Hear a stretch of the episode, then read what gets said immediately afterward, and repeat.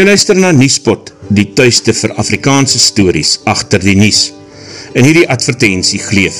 Jou soektocht na vetplante is voorbij by Rita's Vetties in Kreersdorp, waar jy groot verscheidenheid vetplante soos alwijn, beesklaukie, beestongblaar en perretand kan kry. Sy lever ook af per koerier. Besoek Rita's Vetties op Facebook vir meer besonderhede of bel haar by 082 342 9119 terug na ons story. Ons moet nou nooit gedonge baie van ons 24 ure die 24 ure mekaar se geselskap deurbring. Daar sekerre risiko's daaraan verbonde. Wat is dit? Ek dink daar is 'n paar risiko's. Isak, eerstens dwing so inperkingstyd mens skielik tot stilstand. Ek dink jy het nie meer al die gewone ontsnappingsmeganismes wat ek dink nie eers ons altyd besef ontsnappingsmeganismes is vir ons nie. Soos werk toe gaan, soos in my kar kan klim en net 'n end gaan ry of winkel toe gaan of gym toe gaan of 'n glas wyn met my vriendinne drink nie. En dit dwing jou dan eintlik om tot stilstand te kom. En as mense funksioneer ons eintlik maar in verskillende ego-state, nê. So hoe ek myself myself definieer lê dikwels in my beroep en in my daaglikse doen en late en skielik kom hierdie ander dele van my persoonlikheid na vore want ek word nou gekonfronteer daarmee dat ek nie net meer my gewone dag tot dag dinge doen nie. Jou lewensmaat, jou kinders is 24 uur 7 by jou, jy het nie meer jou persoonlike ruimte nie.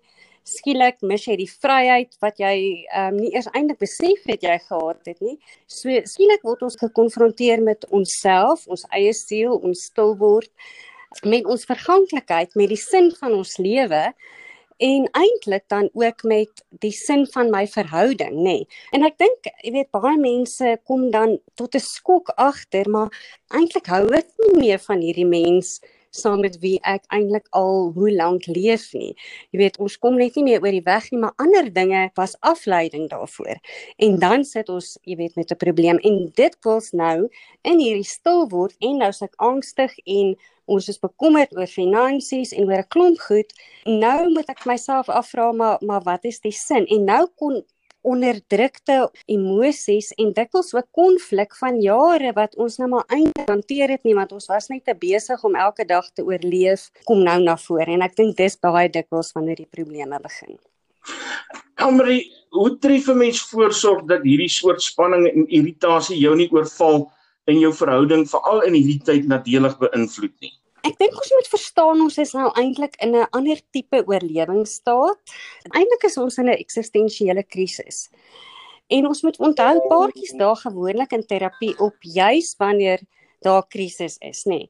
So skielik wil my maat skei of daar's 'n buiteegtelike verhouding of iets soortgelyk en onder normale omstandighede is ons dikwels so besig met ander goed en om te oorleef, ehm um, dat ons nie eintlik die belangrike gesprekke het wat ons dan moet hê nie om te besef, goed, ons kan nie miskien nou noodwendig in hierdie krisis 'n professionele persoon gaan sien nie wat mens dalk in in ander omstandighede sou gedoen het alhoewel ek moet sê daar's van ons wat aanlyn terapie doen juis omdat hierdie nou die krisis is waarin ons is.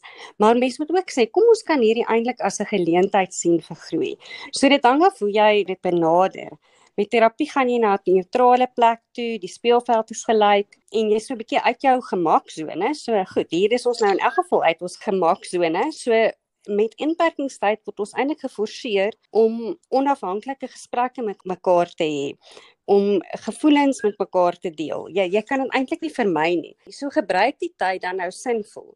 Jy weet daar's 'n daar's 'n baie mooi aanhaling wat sê relationship is finding losing and finding again. As ek sê en dit sê ek altyd vir paartjies in terapie as jy hier sit en sê maar dis hy of is sy of is sy nie dit of dat anders doen gaan ons nêrens kom nie. As jy sê ek is bereid om na myself te kyk. Wat kan ek anders doen om uiteindelik net hierdie maat van my wat ek op 'n stadium gekies het en verlief was ehm um, dalk voel ek nie nou so nie maar om te sê wat kan ek doen om jou weer veilig te laat voel sodat ek kan weerloos wees by jou en jy by my, dan is daar 'n groot stap vorentoe in terme van koneksie. En as ons kan begin weerloos wees en koneksie skep, dan kan ons mekaar weer begin hoor. Want eintlik moet ons onthou as ek kwaad is vir jou, is dit eintlik 90% my probleem wanneer dit iets iets wat jy gedoen het, 10% wat jy gedoen het, het iets in my gesneller. Ons kom almal met 'n geskiedenis en 'n agtergrond en seer. En en as iets my ontstel is dit net omdat dit iets in my sneller en as as ek dit kan weet en ek kan dit verwoord en jy, my maat weet as ek kan sê maar dit wat jy gedoen het het my so laat voel dan is dit nie 'n aanklag nie. Um, en ek hoef nie of jy hoef nie te verdedig nie. Jy kan my net hoor nou kan ons mekaar begin verstaan. Nou kan ons begin praat oor goed. En ek dink hierdie stiltyd wat ons nou het, en stilte is stilte in jouself, is stilte buite, ons hoor die voeltjies. Ons kan buite in die son sit en en regtig net wees en dit skep eintlik die geleentheid om juis na hierdie dieper plekke toe te kan gaan. En hierdie spesifieke situasie waarin ons nou in die wêreld is, dink ek lei daartoe dat ons nie, jy weet, ons eie verganklikheid so 'n bietjie besef en sê maar gits ek het ek het jou as my maat van, as van selfsekend ervaar of aanvaar. Wat van as as jy nou siek raak en en skielik is jy nie meer daar nie? Dit is nie meer net iets daar ver nie. Dit is iets wat met duisende mense in die wêreld gebeur. En dalk is dit ook 'n plek waar ons daardie insig kan kry of weer kan besef waardering kan kry vir hierdie maat wat ek net van van selfsprekend aanvaar het. Okay, maar nou is daar mense wat nou al die groot beklei gehad het. En selfs al baie groot skade gemaak het emosioneel en selfs fisiek en nou is jy nog vasgevang in hierdie hok. Wat nou?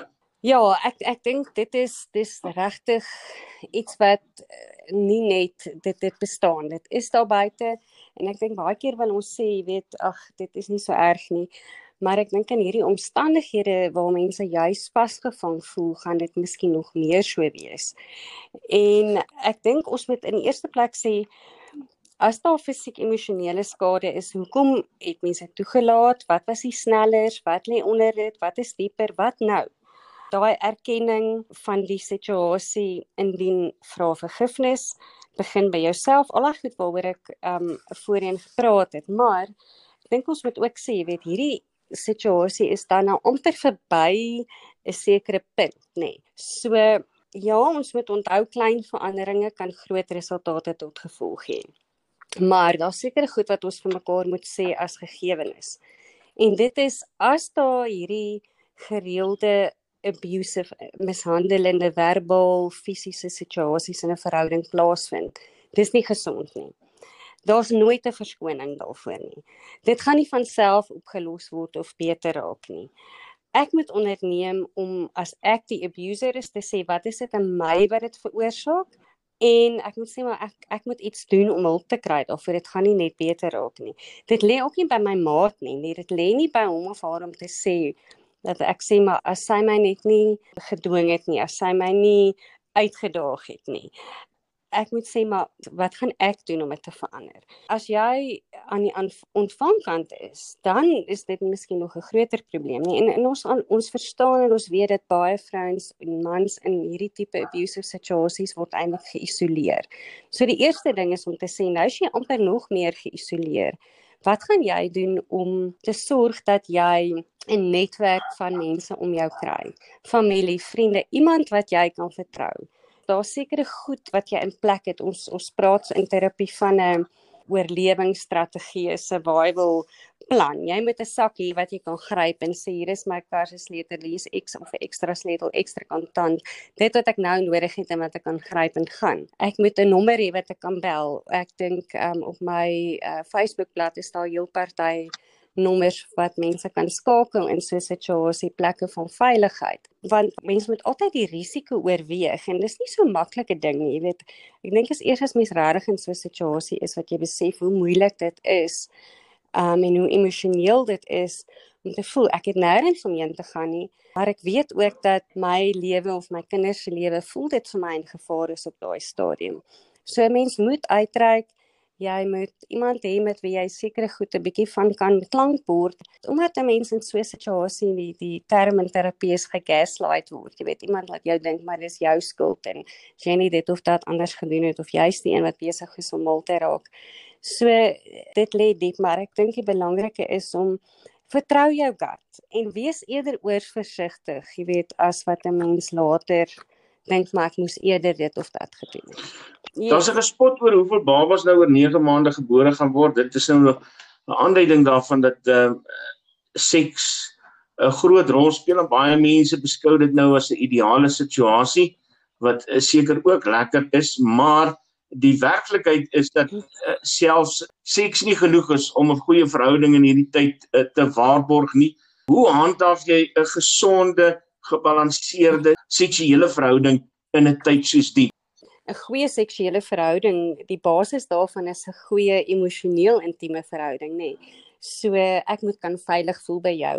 Um ons moet lekker dinge kan kan deel, ons moet kan gesels um daar moet intimiteit op alle vlakke wees en juist daarin en daai weerloosheid kan 'n mens dan op seksuele vlak ook connect. En ek dink dis juist weer waar kommunikasie so belangrik is jy weet want ek moet kan sê ek moet vir jou kan sê wat my behoeftes is. Ek moet my behoeftes kan uitspreek het sy dit dan nou is vir ruimte of vir koneksie en nabyheid. En aan die aan die een kant dink ek hierdie situasie hierdie unieke situasie waarin ons ons bevind skep juist die geleentheid vir mense om op allerlei ander vlakke intimiteit ook fisies te kan ervaar. Jy weet ek sê baie keer vir mense ek dink mense in langtermynverhoudings en wat getroud is, het te veel seks en vry te min. Jy weet wanneer laas het jy regtig net jou maat om die hoek lekker warm gevry? Jy weet al is daar kinders, jy weet daai pret en opwinding en speelsheid. Jy weet dat dit nie meer net is van okay, ons is nou moeg vanaand en ons val nou uit die bed en goed, dit was nou 2 dae en ons moet dit nou gebeur nie. So ek dink dit skep 'n geleentheid juis vir mense om te sê maar wat is my behoeftes rondom dit?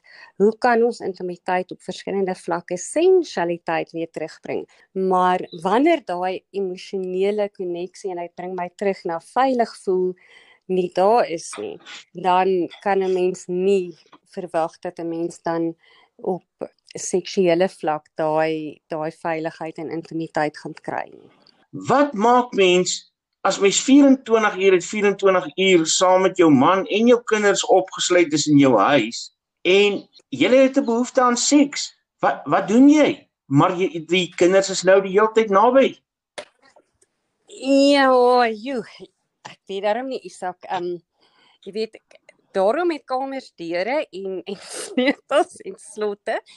En en dis okay om vir kinders te kan sê, maar weet jy, ons het nou 'n bietjie ons alleentyd nodig en hier is julle speletjies of julle TV of lees 'n boek en dis ons tyd en daarom gebruik mens tegnologie en jy sit musiek aan en jy ehm um, jy weet ek dink die tyd van moet skuldig voel oor sulke goed is mense moet vir jouself gaan sê maar ons het juist daai tyd nodig. En dis 'n ongelooflike glo ek belangrike les om vir mense kinders te leer dat as ons lief is vir mekaar en ons ons verhouding is belangrik het ons alleen tyd nodig.